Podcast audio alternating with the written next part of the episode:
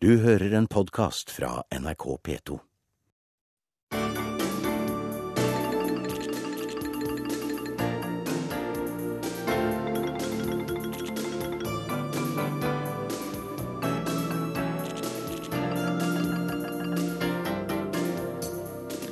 Venezuela går til valg i morgen. Hugo Chávez er død, men det er han det handler om. Irak brøt sammen for ti år siden. Det skulle bli en ny tid. Men hva sier de som bor der? USA forsvarer sine interesser på alle hav, bryter folkeretten og er alltid i krig. Hvordan ser USA på seg selv? Israelske filmer nomineres til internasjonale priser, men regjeringen gremmer seg. Filmene er fulle av besk kritikk. Somalia reiser seg av støvet og styres av en mann fra Trondheim. Hatet mot avdøde Margaret Thatcher er tilbake, men Elvis Castello har sett fram til å tråkke på hennes grav helt siden 80-tallet.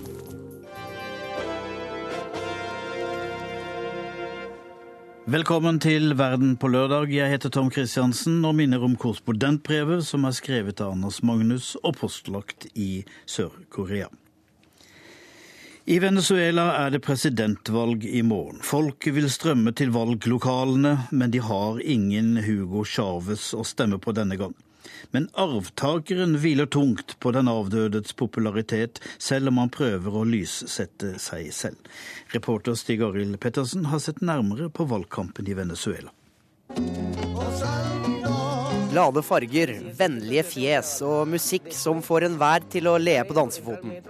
Det er elementene i denne reklamefilmen som har rullet over Venezuelas TV-skjermer de siste dagene.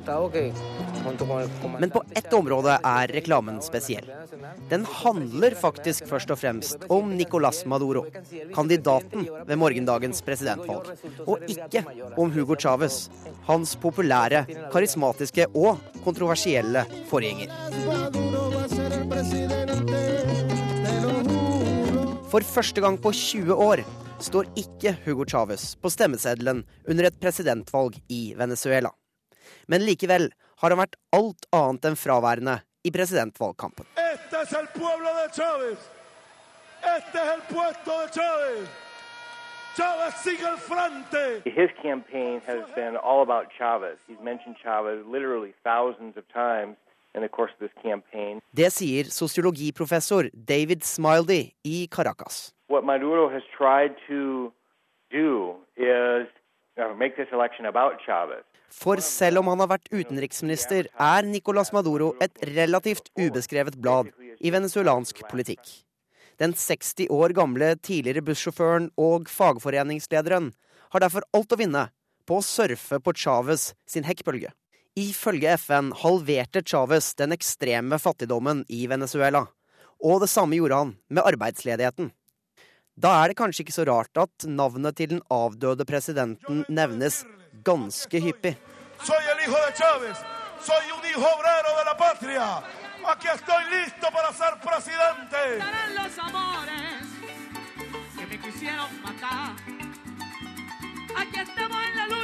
Opposisjonskandidaten Enrique Capriles har kanskje vanskelig for å vinne de fattige velgerne som utsettes for myndighetenes gavedryss. Og han ligger et godt stykke bak på meningsmålingene. Men én gruppe kan han i det store og hele regne med å ha på sin side. Høyt utdannede middelklasse-venezuelanere med store ambisjoner og ønske om å drive egne forretninger. De har lite til overs for chavistene. For ifølge Venezuelas handelskammer har 200 000 selskaper i landet måttet stenge i løpet av de siste ti årene, mens 1600 andre ble ekspropriert av staten. Denne politikken skremmer mange unge, velutdannede venezuelanere fra landet. So there's there's left, middle and upper middle class, educated, professional class. So in that sense, there's been a real brain drain in in Venezuela during this time.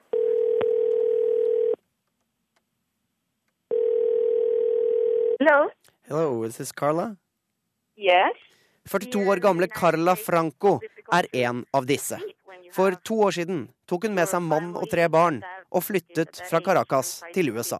We uh, we are in Louisville, North Carolina. We we moved from Venezuela two years ago because we have three kids. Carla synes volden i Venezuela er det verste. Under Hugo Chávez har mordraten i landet nær doblet seg til 45 per 100 000 innbyggere. Caracas er en av verdens absolutt farligste byer. Sånn kunne ikke barna vokse opp, mente hun. I USA driver hun og mannen et selskap sammen. Det er vanskelig i Venezuela, mener. Carla Franco.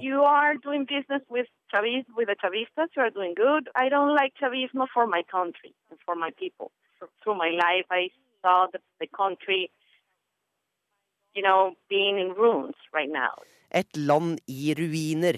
Venezuelas bedre stilte klasser sparer sjelden på kruttet mot eh, Chávez. Men Venezuela har store økonomiske utfordringer, tross de største oljereservene på den vestlige halvkule. Well, both of them will face similar challenges in the sense that the economy really is not doing well. Um, Venezuela has a huge budget deficit. Sier venezuelaner og økonomiprofessor ved Universidad de los Andes i Chile, Juan Nagel, om utfordringene den neste presidenten vil møte. Uh, Disse problemene kunne Chávez dekke over med retorikk og karisma, mener Nager. Det blir vanskelig for Maduro. Lack of charisma. But the other aspect that I want to point out is that Maduro is really not in the same league as Chavez intellectually. So that creates a big problem for him in terms of understanding the problems of the country and the issues of the country. Og det kan skape splittelse i en politisk bevegelse som har fremstått som bemerkelsesverdig samlet etter lederens fall, sier sosiolog David Smiley. You know, after the election, after Maduro is president for six months or a year or so, and starts to confront some difficulties, and there are difficulties on the horizon, you know, that could change very easily. And I think there could definitely be tensions in the coming coming year de Chávez. Men enn så lenge virker strategien klar. Med Chávez på laget kan man aldri feile.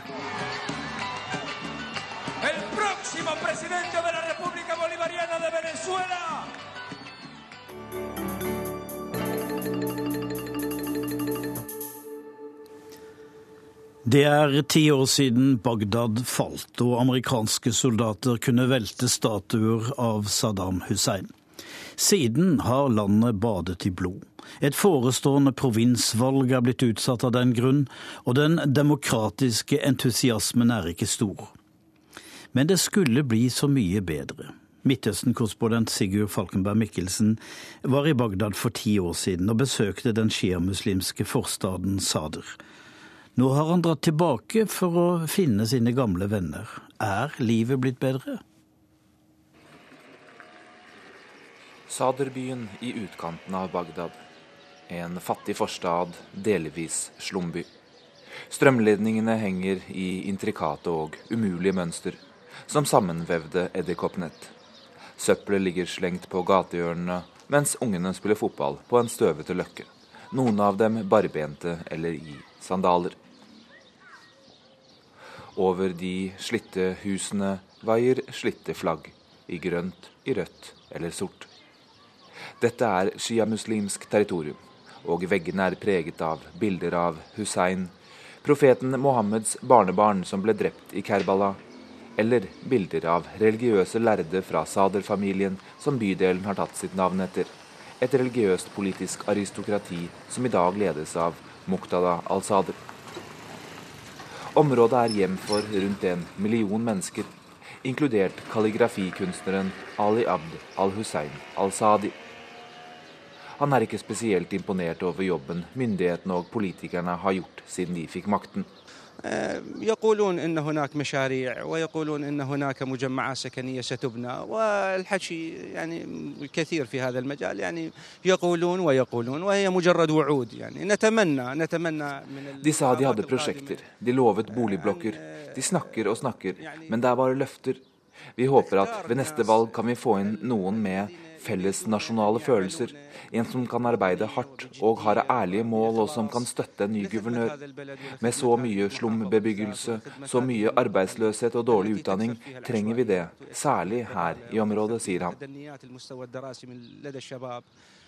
Denne utsendte korrespondenten besøkte bydelen første gang like etter den amerikanske invasjonen, for nå ti år siden. Jeg kan ikke se synlig forskjell på forstaden, selv om det er sjiamuslimene som nå sitter med makten i sentrum av Bagdad, noen kilometer unna. Ali Sadi sier seg enig. يعني هيئت لها من اموال يعني طائله وهذه يمكن مساله عمليه الفساد المالي والاداري القت بظلالها على هذه الخدمات وبالتالي يعني Vi vet at regjeringen har bevilget mye penger, men korrupsjon kaster skygger over livene våre. Vi er skuffet, så skuffet pga. dette. Vi hadde håpet at folkene som fikk makt med våre stemmer i valgene, skulle bry seg mer om folk flest enn om sine egne posisjoner og privilegier, sier han. Det er provinsvalg her i Irak om en uke. Det henger valgplakater over hele Saderbyen, som i resten av hovedstaden. Men den demokratiske entusiasmen har blitt merkbart mindre ettersom årene har gått, og vanlige folk ikke har sett noen forbedringer i egne liv. Selv om Saadi er skuffet, sier han også at sikkerhetssituasjonen aldri har gitt ansvarlige politikere noe handlingsrom. Han synes særlig folk i Saderbyen fortjener bedre. De har allerede betalt en høy pris. Urolighetene startet raskt her. Den lokale mediehæren som tilhører Muqtada Sader, var i aktiv kamp med de amerikanske soldatene tidlig. Krigshandlingene blusset opp med ujevne mellomrom helt til amerikanerne var ute av landet. Og området har også vært plaget av mange kraftige bilbomber som rammer sivile. Som et sjiamuslimsk kjerneområde har det vært et yndet mål for de ytterliggående sunnimuslimske gruppenes bilbomber. De har blitt færre, men ikke borte. Sist i mars ble forstaden rammet av tre bomber. På den andre siden har mediehæren fordrevet sunnimuslimer fra andre bydeler. Tafie på arabisk, sekterisk splittelse, har definert mye av Irak etter invasjonen, til manges store fortvilelse. أنا أعتقد أن مسألة الطائفية وهذه العنوان الذي لعب عليه الكثير أعتقد أن هذه صراعات موجودة بين السياسيين فقط Jeg tror denne sekterismen er noe som maktpersoner bevisst har brukt. Det er slåssing mellom politikere, men mellom irakere flest, stol på meg, det var aldri et problem. Vi levde sammen i lang tid. Jeg har mange venner fra sunnisiden, kurdere og kristne. Det var ikke noen forskjell mellom oss, og vi snakket ikke om disse tingene. Som at jeg er shia og du er sunni osv. Jeg tror dette er en politisk krig, sier han. Og er det politisk, kan det også overvinnes. Sadi håper tross alt på bedre tider. Vi treffer han på vei hjem fra arbeid i en bakgate. Som kalligrafkunstner jobber han først og fremst med sitater fra Koranen. Han har, i motsetning til mange av sine kunstnerkolleger, blitt værende i Irak. Han er etter hvert blitt en eldre mann. Til slutt sier han noe jeg ikke hadde trodd jeg skulle høre fra en innbygger i landet mellom Eufrat og Tigris, men som kanskje, tenker jeg, der jeg står ute i Saderbyen, speiler Iraks nyere historie. Først over 30 år med et brutalt og autoritært diktatur, så ti år med okkupasjon og interne konflikter. أجد لحياتي لذة أو قيمة بدون الخط وبدون الرسم وبدون التصميم أعتقد أنهم يفهمون هذا أكثر مني jeg har aldri funnet noe verdi i mitt liv uten å tegne eller skape. Men jeg tror at i ditt land så forstås dette bedre enn her. Dere kommer fra land som forstår meningen med kunst. Europa har en av de eldste sivilisasjonene i verden. Europa er kunstens land. Dere bryr dere mer om kunst enn oss, sier han.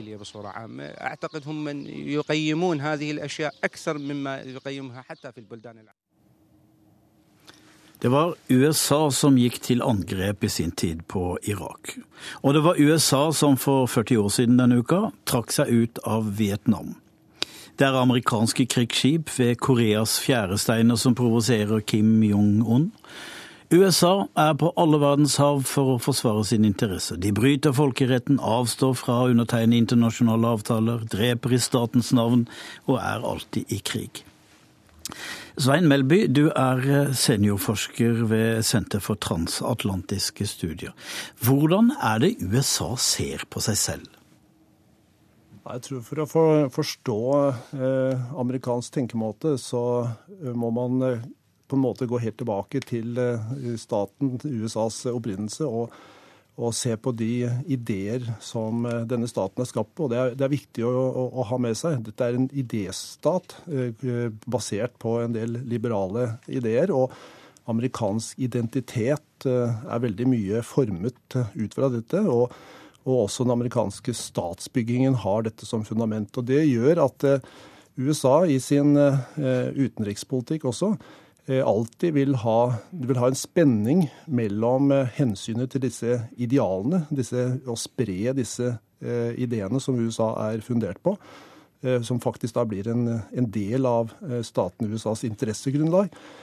Og Samtidig så er det også en stat som har de vanlige statsinteresser, økonomiske, sikkerhetspolitiske osv. Og, og du vil alltid ha denne spenningen mellom på den ene siden det matnyttige og på det andre det ideelle. og dette er en forutsetning for USAs internasjonale rolle, men flere ganger så vil disse tingene komme i konflikt med hverandre, som du registrerer. Men de verdiene som USA da vil stå for, føles jo ikke akkurat eh, Det føles ikke slik for de land hvor man opererer. Vietnam, Afghanistan, Irak. Nei, det, det, er noe av problemet. De det er noe av problemet at uh, amerikanerne uh, vil i utgangspunktet Vi generaliserer jo en viss grad her, det er jo en intern debatt i USA om disse tingene også.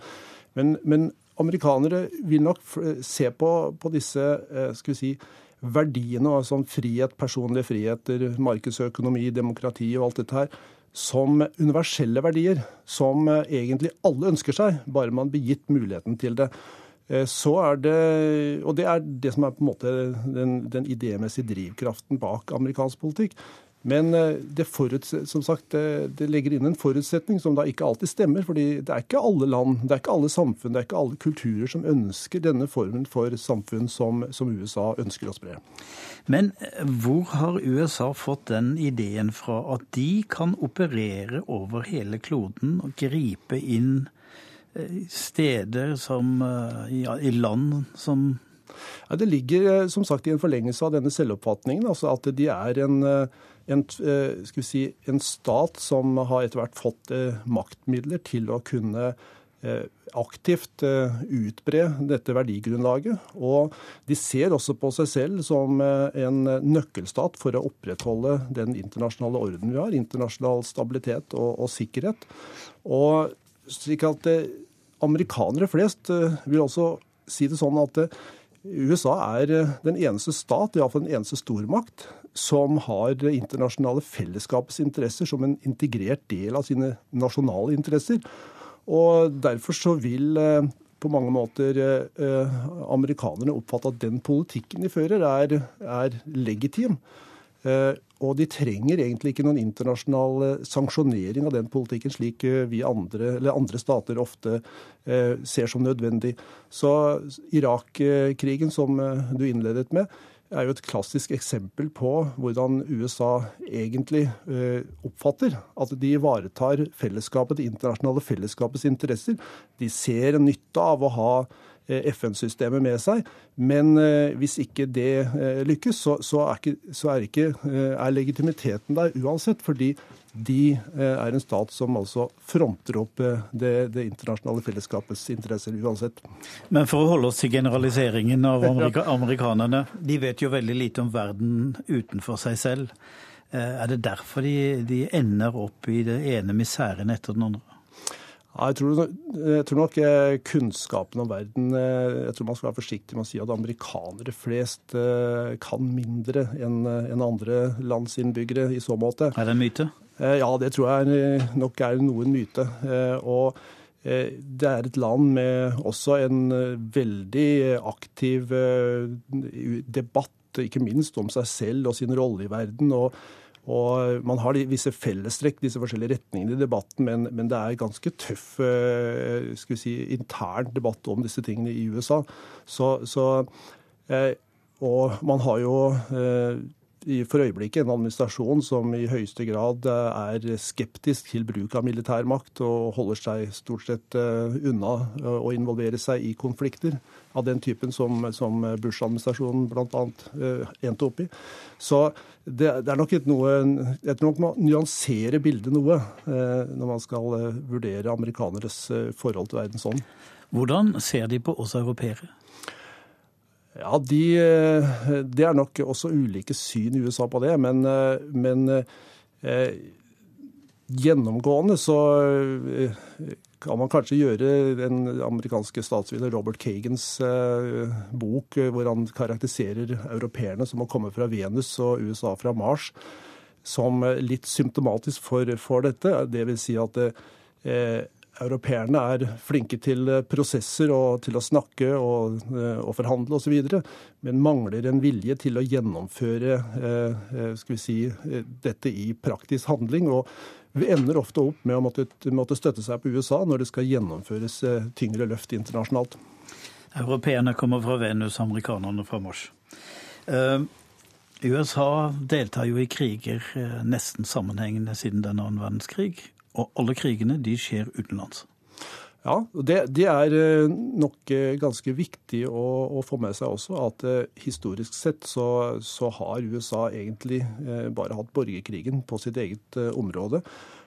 Og helt frem til 11. september på mange måter. Det har vært omgitt av svake naboer, som iallfall militært sett, som ikke har kunnet utgjøre noe trussel. og har da historisk sett uh, kunnet venne seg til at når de bruker militærmakt, så skjer det på andre lands uh, territorier. Og det er klart at uh, når man har en sånn historisk ballast, så, så, så, gjør det også at det vil prege litt beslutningsprosessen med bruk av militærmakt. Selv om det er feil å si at de tar lett på slike beslutninger. Men krig virker mindre skremmende for en amerikaner enn for tyskere, franskmenn, briter, nordmenn som har hatt krig? Ja, jeg tror det er noe av store historiske forskjellen på USA og europeerne. At uh, krig i Europa det har alltid vært på eget territorium og har uh, vært uh, gjenstand for å flytte grenser og, og ha enorme konsekvenser for, for folk flest. Mens USAs kriger har, med unntak av borgerkrigen, hatt en tendens til å være begrenset til eh, de som da faktisk gjennomfører disse krigsoperasjonene, og deres pårørende. Men, har, men selvfølgelig er det også en stor, eh, stor, belastning eh, for USA, men på ingen måte den samme erfaring med krig som det som har vært tilfellet i Europa. Nå har USA klart å utløse et raseri av ukjente dimensjoner i Nord-Korea. og det er en sånn blanding av eh, skrekk og humor, eh, dette, å følge med på nordkoreanske reaksjoner. Men samtidig, USA sier de har rett til å ligge i fjæresteinene til Nord-Korea. Ja, nå er eh, USAs rolle i Asia er jo viktig for å opprettholde en, en si, sikkerhetspolitisk, maktpolitisk stabilitet i et område med med lite sikkerhetspolitiske institusjoner som kan si, fange opp og, og, og, og bidra til at disse eh, motsetningene ikke ender opp i direkte militær konfrontasjon.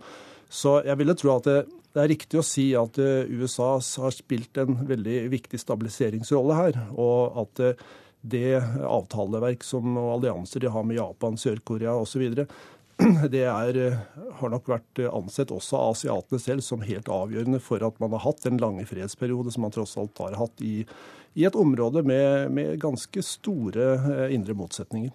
Noen sier USA er en fredsskaper, andre sier USA er en krigernasjon. Ja, er, Hva sier du?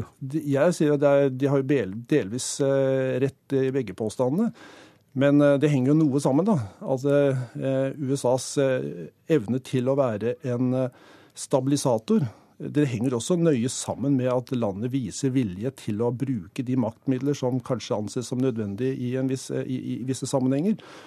Så for å, for å, avskrekke fra ytterligere konflikt osv., så, videre, så så er det ganske viktig at man har en viss troverdighet eh, militært sett. Men eh, det er ingen tvil om at historisk sett så har USA også vært eh, en stat som har ført mange kriger. og har i en del tilfeller heller ikke veket tilbake fra å bruke enormt mye militærmakt, og som avslutningen av den andre verdenskrig er en god illustrasjon på. Så, så, så det er en, en, en, stat som har bidratt til fred og til fremme demokrati osv., men som også har i en del tilfeller vært med på det motsatte. Og, og på en måte dekkende å si at det er en, en stat, kanskje den staten som har brukt mest militærmakt i, i moderne tid.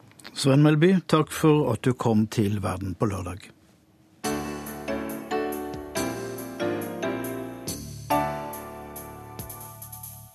Nå skal vi til Israel, for der lages det kvalitetsfilmer som nomineres til internasjonale priser av høy betydning. Israelerne er stolte, men den politiske ledelsen gremmer seg, for filmene er usminket realisme med beske samfunnskritiske kommentarer. Nylig ba enda kulturministeren filmskaperne om å besinne seg. Reporter Cecil Wold har sett flere av filmene og seriene. Den rystende og Oscar-nominerte dokumentaren 'Gatekeepers' har særlig fått stor oppmerksomhet. Der forteller israelske etterretningssjefer, den ene etter den andre, åpent om den terror mot palestinere de har vært ansvarlige for.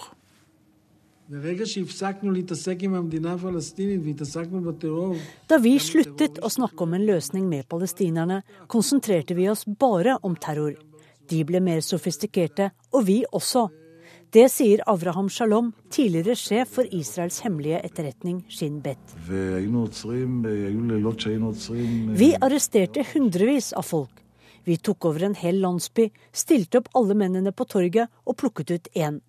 Ham tok vi inn i en bil, tvang ham til å utlevere andre. Det forteller Jakob Peri, også han tidligere Shin Bet-sjef. De er med i den Oscar-nominerte dokumentaren The Gatekeepers, som har fått Israels kulturminister Limor Livnat til å se rødt.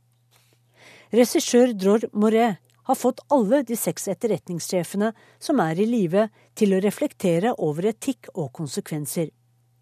Ami Ayalon, Avi Dichter, Yuval Diskin og Kamri Gilon snakker alle om hvordan de behandlet og likviderte palestinere, og om hvorfor. Shin Bet, også kalt Shabak, har mottoet 'Forsvarerne som ikke skal bli sett', men i The Gatekeepers er de alt annet enn usynlige. Kanskje turte ikke det amerikanske filmakademiet å gi en Oscar til en så kontroversiell og kritisk film. Kulturminister Livnat var i alle fall lettet, for hun mente at The Gatekeepers ikke burde få noen heder. Well, uh, Våre fiender lanserer ideen om økonomisk boikott, som ikke er annet enn antisemittisme.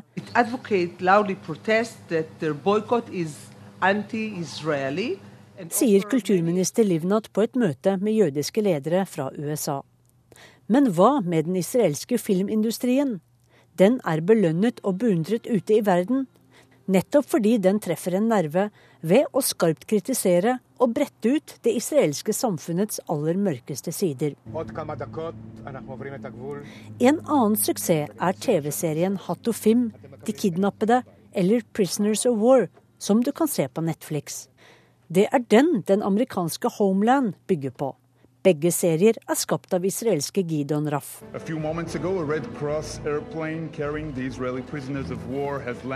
Tre soldater kommer hjem etter 17 år i fangenskap i Libanon. To lever, den tredje, får vi vite, er død. Møtet med familiene i VIP-rommet på flyplassen er følelsesladd. I mange sekunder stirrer de to hjemkomne soldatene, Nimrod og Ori, nervøst og usikkert på sine familiemedlemmer, som de knapt kjenner igjen.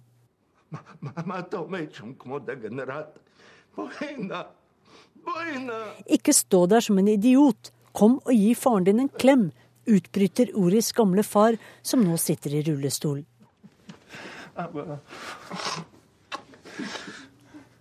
Men veien tilbake er vanskelig for to som verken kjenner sine voksne barn eller samfunnet de kommer hjem til.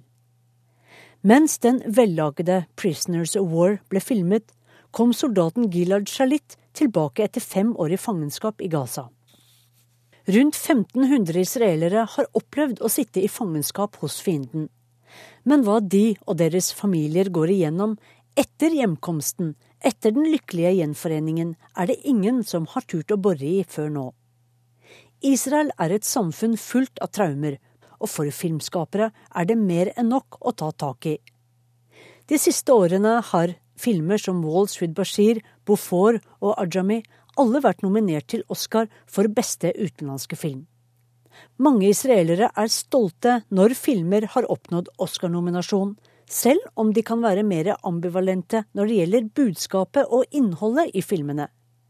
I tillegg til The Gatekeepers var også dokumentaren Five Broken Cameras Oscar-nominert i år.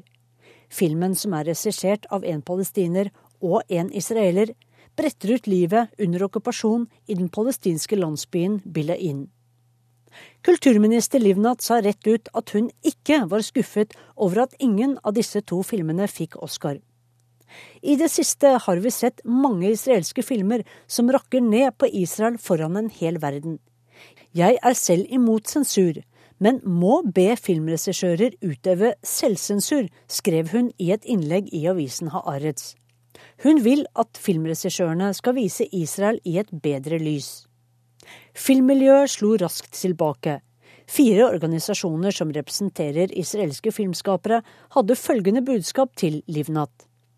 En kulturministers jobb er å sørge for kunstnernes frihet, og ikke oppfordre dem til å sensurere sitt eget arbeid. Vi lever tross alt, som Livnat selv påpeker, i et levende demokrati. Og så får filmskaperne se om de fortsatt får offentlig støtte til nye samfunnskritiske prosjekter.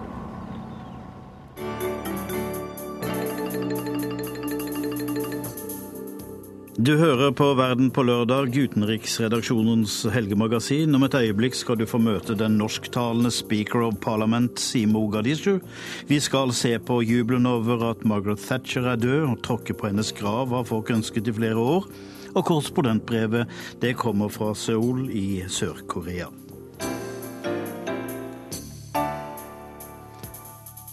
Det gode liv er på vei til verdens farligste by, Mogadishu, og Somalia reiser seg av støvet. Tungt væpnede islamister er drevet ut av byene. Folk sulter ikke lenger, de går på kafé i stedet, de drar på stranda. Det var forbudt før.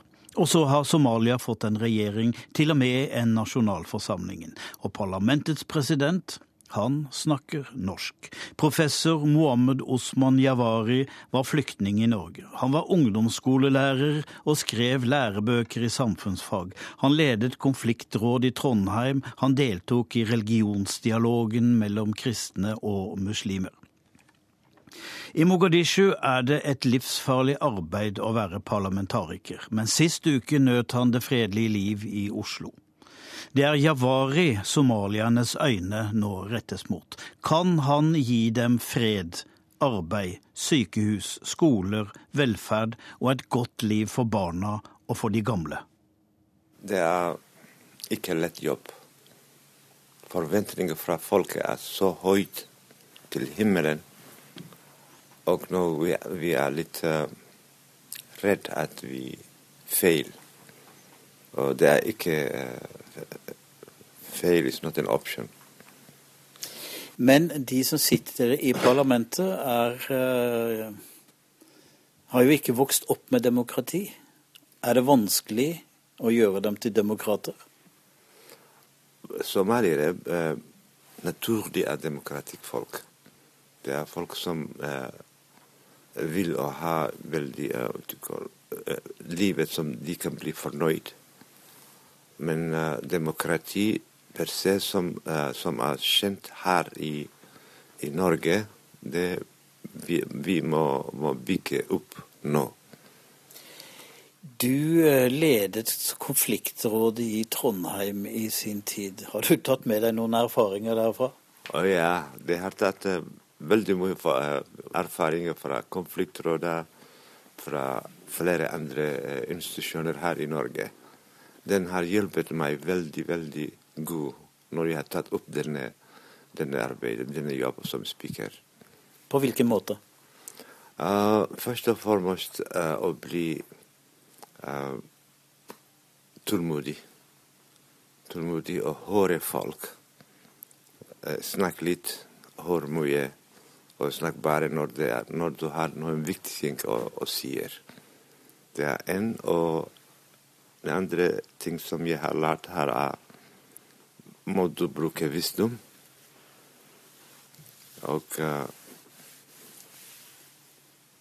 uh, Somalier uh, gjør ikke når du, når du, har en sak, de, de ikke går rett til saken. Må du spørre flere andre ting om regn, om familie, om andre ting, og etterpå du går der. Men denne, denne, denne, denne type har ikke forandret. Jeg bruker det somali, somali way og den norske, norske visdommen. Javari skal skape et demokrati ut av kaos, det er han klar over. Men somaliere er ikke barbarer. If you look back in the history of the Somalis, you will find that from 1960 to 1969, Somalia was one of the, had one of the best democracy in Africa. It was the first country who produced a president of the republic elected uh, democratically and lost his job democratically. Fra 1960, sier Mohammed Osman Yavari, hadde Somalia det beste demokratiet i hele Afrika. Presidenten ble valgt, og han gikk av frivillig uten blod da han ikke ble gjenvalgt. Dagens parlament er riktignok ikke valgt av folket, snarere utvalgt etter klaner og grupper. Det er representativt likevel. Vi ble tatt i ed nede på flyplassen, og der holder vi til fortsatt. Parlamentsbygningen er skutt i stykker. Men demokrati? Jo, sier Javari.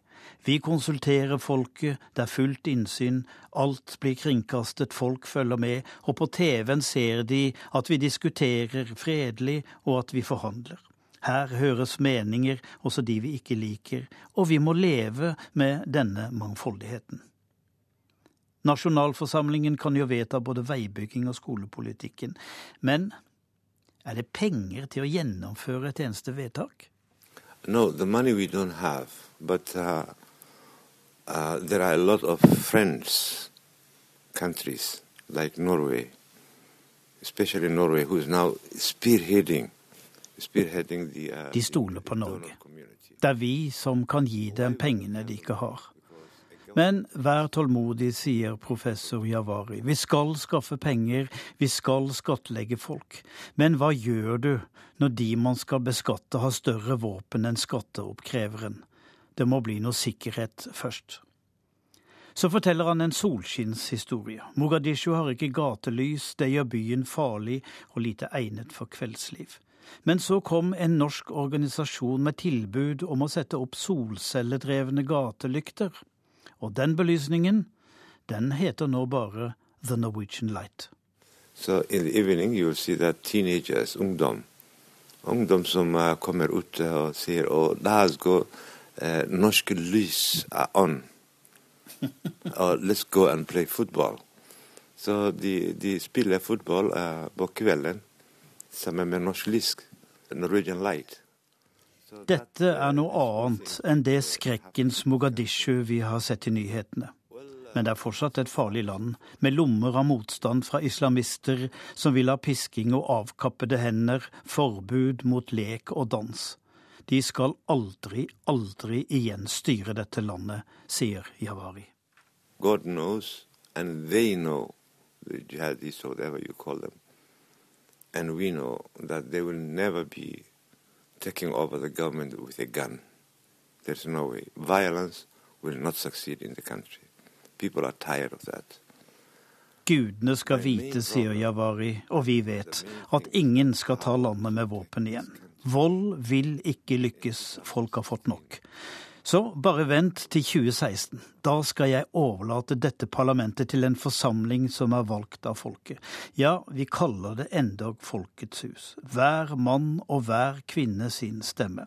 For, det skal du vite, sier Javari, dette folket har overlevd 20 år uten styre og stell. Somalis er veldig, veldig kreativ. Det er veldig uh, risk-taking. And survival also is one of their, of their uh, skills. 20 years and still, uh, Folk er utrolig kreative i dette landet. De er overlevere, sier han. Mens alt lå nede, vekslet de penger, satte opp trådløse nettverk, drev landbruket og kokte sin daglige cappuccino. Du har en av de høyeste stillingene i det somaliske samfunn. Hvordan lever du? Ja, jeg bor i gjesthouse. Ikke så mye, bare en, to, tre, tre rom. Og uh, vi spiste så dårlig. Du kan ikke You cannot believe it. Tre enkle rom i et gjestehus, det er hva Somalia byr sin parlamentspresident, pluss 16 timers arbeidsdag. Kosten lages av soldater, det er ikke rare greiene, bortsett fra hummeren, da. Den er forresten fattigmannskost i Somalia, man tar den med hendene nede på stranda. Men så har de spagetti i tillegg. Og utenfor står lange køer av folk som vil ha sine problemer ordnet og så må man passe på at ministrene ikke stjeler eller gjør noe som ikke er vedtatt.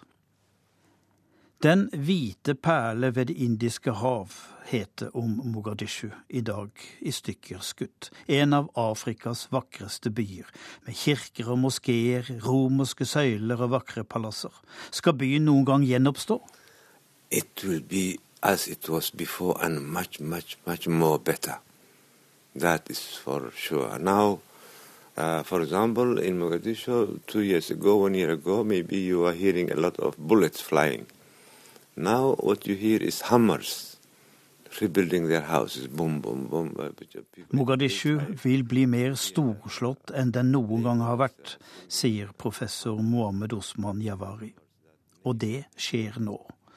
Før hørte du mitraljøsene, nå hører du hammerslagene.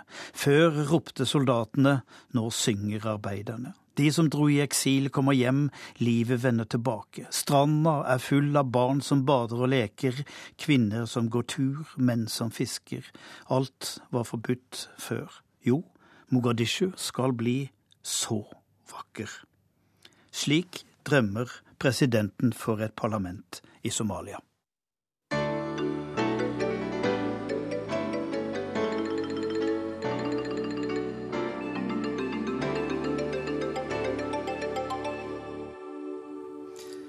Margaret Thatcher splittet det britiske samfunn da hun i 1979 valset inn i nummer 10 Downing Street. Sist uke døde hun. Det vakte både vemod og begeistring. Elvis Castello skrev allerede for 24 år siden ei låt om å tråkke på hennes grav når hun en gang døde. Well, I, when I first wrote it, I, I Året er 1989. Irsk-engelske Elvis Costello forklarer hvorfor han skrev låta 'Tramp the Dirt Down' om å tråkke på graven til Margaret Thatcher når hun dør. England var verdens hore, og Maggie var horemammaen. Is the bridge of the song which says when England was the whore of the world, Margaret was her madam, and the future looked as bright and as clear as the black tarmac Adam. And that's the way I, I think it is, and it contemplates her demise in a quite brutal way.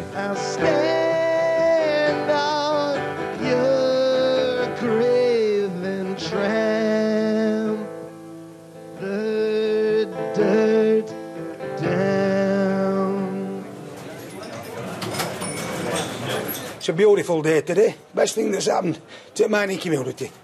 Snaue 25 år senere, på en pub i Grindtorp, Yorkshire. Den lille byen var fullstendig avhengig av gruven, men den ble lagt ned, og samfunnet gikk i oppløsning. De skylder på jernkvinnen.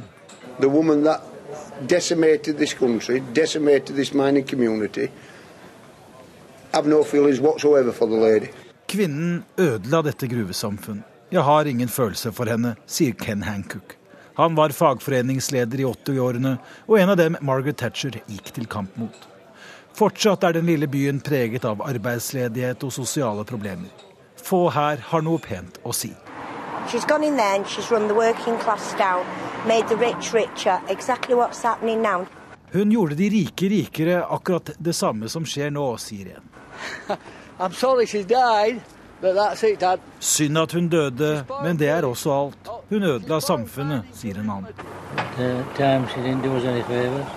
Jeg beklager for familien, men hun gjorde ikke oss noen tjeneste, sier en tredje.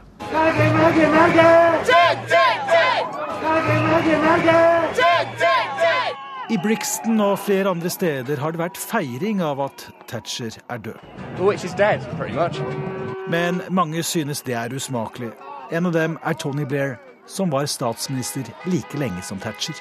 Even if you disagree with someone very strongly, by the way, I mean, you, you can still, particularly at the moment of their passing, you, you should show some respect, I think. Dette er dårlig stil, man må vise litt respekt, sier Blair, som ennå ikke frykter at det vil bli feiring når han dør.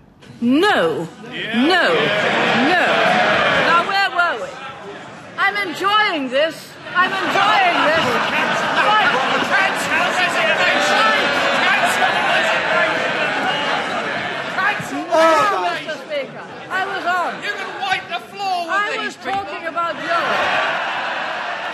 Det var kanskje i parlamentet Thatcher var på sitt mest briljante.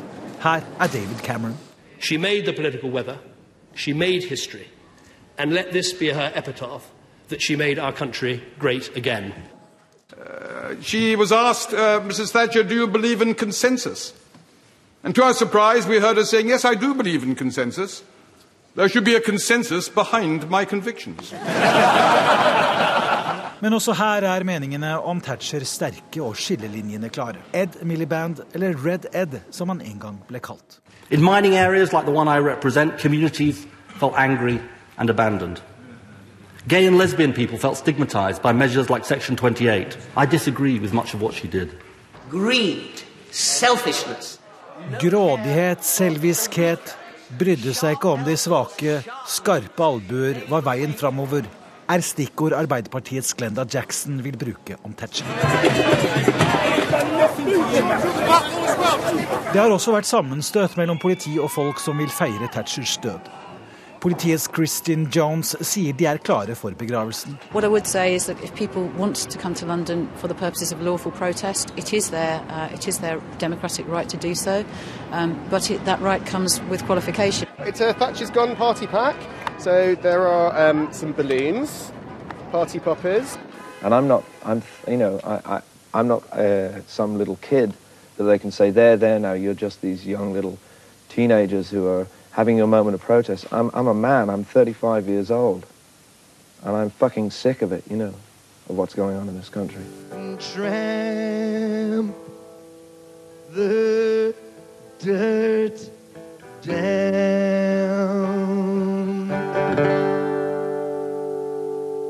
Øyvind Nyborg hadde laget denne reportasjen. Og så til ukas korrespondentbrev. Det kommer fra Asia-korrespondent Anders Magnus.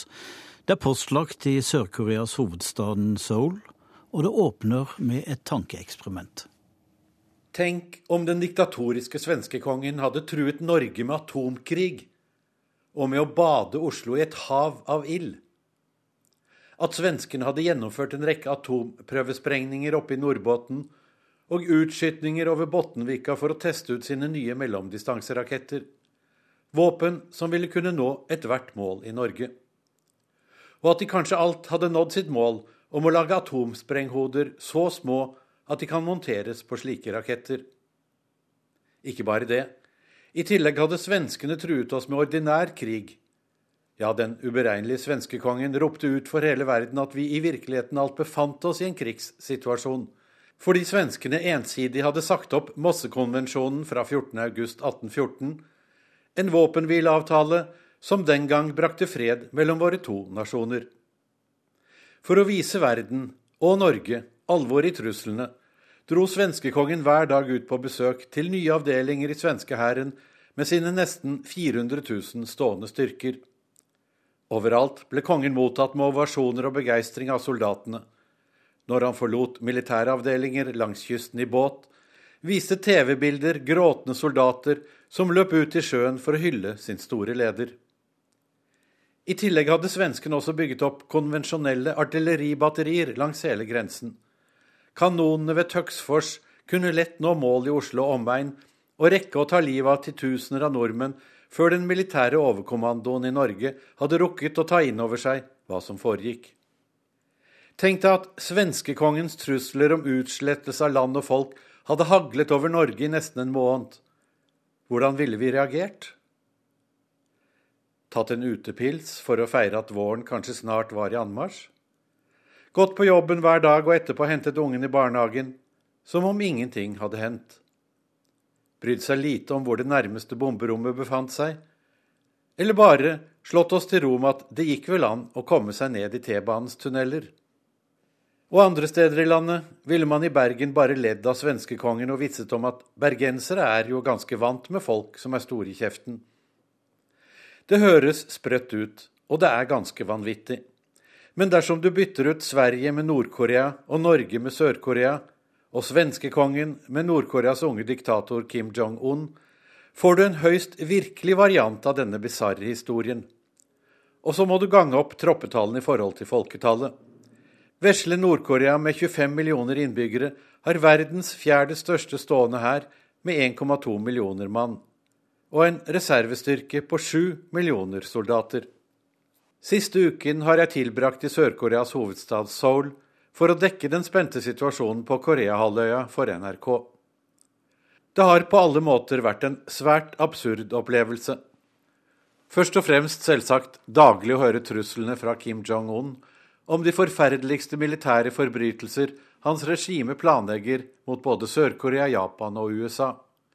Men kanskje mest av alt å være vitne til hvordan sørkoreanerne reagerer på denne teppebombingen med verbale atomladninger. Jeg besøkte Gangnam forrige helg, en av de mer fasjonable bydelene i Seoul, og kjent over hele verden etter at den koreanske artisten Psy fikk en milliardhit på YouTube med videoen Gangnam Style. Ved Gangnam T-banestasjon strømmet det ut horder med unge mennesker, ja, for det er nesten bare folk i 20-årene som kommer hit, som skulle bruke søndagen til shopping og kafébesøk. Eller bare til å vise seg fram og kikke på andre kule ungdommer som tilbringer tid i gatene her. Selvsagt ivrig tastende på den siste versjonen av Samsungs smarttelefon med propper i ørene. Sør-Korea er et av landene i verden med flest bredbåndsbrukere, og de fleste unge er koblet til nettet via sine 4G-telefoner. Det betyr at de kan få inn all verdens nyheter direkte på mobilen. Likevel bryr det seg lite om å sjekke daglig hva den krigerske diktator i nabostaten tilbyr av nye trusler. De har hørt det før, forteller de meg. Dette er en situasjon vi har levd med i årevis, selv om det selvsagt har vært litt i overkant de siste ukene. Riktignok har Nord-Korea faktisk angrepet Sør-Korea de siste årene, som ved senkningen av det sørkoreanske krigsskipet Chonan og rakettangrepet på øya Yongpyeong i 2010, hvor til sammen 48 mennesker mistet livet. Likevel tror ikke folk flest at Seoul vil bli bombet. For to og et halvt år siden unnlot Sør-Korea å gjengjelde disse angrepene, i håp om at det kunne avspenne situasjonen. Nå har regjeringen sagt klart ifra at dersom det kommer en ny slik militær provokasjon fra nord, vil gjengjeldelsen bli omfattende kanskje så hard at regimet i nord kollapser. Dermed regner sørkoreanerne med at den unge Kim, så gal han enn synes, likevel er såpass rasjonell at han ikke frivillig setter sin egen diktatoriske makt over Nord-Korea på spill. Men hva hvis det skjer et angrep da, fortsetter jeg å spørre de unge fasjonable i Gangnam. Vet dere hva dere skal gjøre da? De fleste ser ut som åpne spørsmålstegn. Noen mumler om at det kanskje er en god idé å evakuere ned i T-banens tunneler.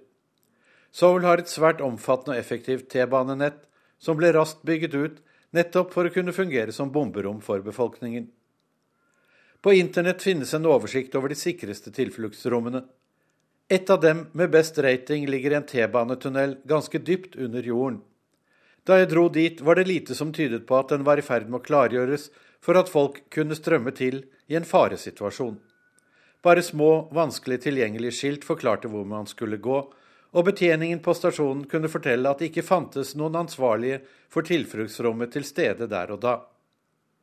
Avslappet var også stemningen helt nord i Sør-Korea, på grensen mellom sør og nord i den såkalte demilitariserte sonen.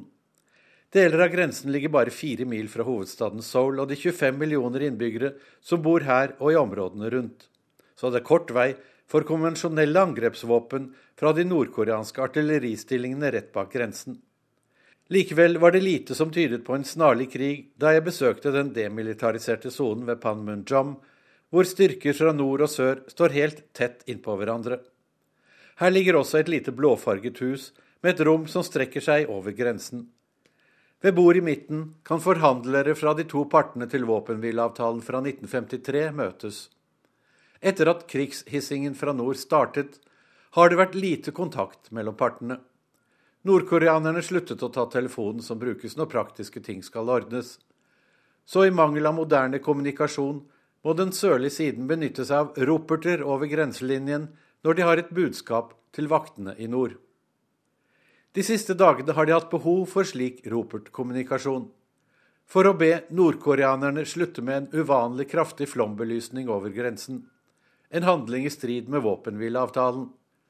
Lyset blender dem som jobber på sørsiden, slik at det er umulig å oppholde seg under de smertefulle strålene, som er et åpenbart forsøk på å psyke ut motparten. Enn så lenge har Nord-Korea og diktator Kim Jong-un holdt seg til å bjeffe og unnlatt å bite.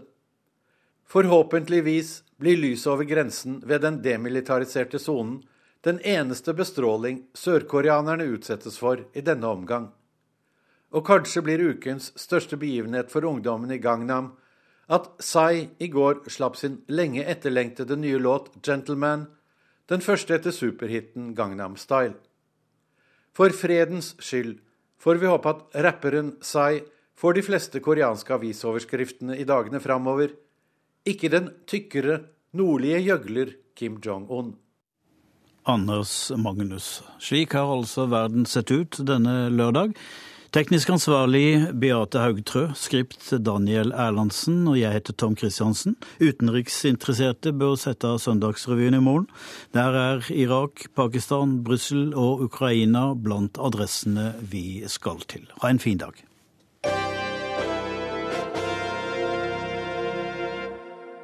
Du har hørt en podkast fra NRK P2.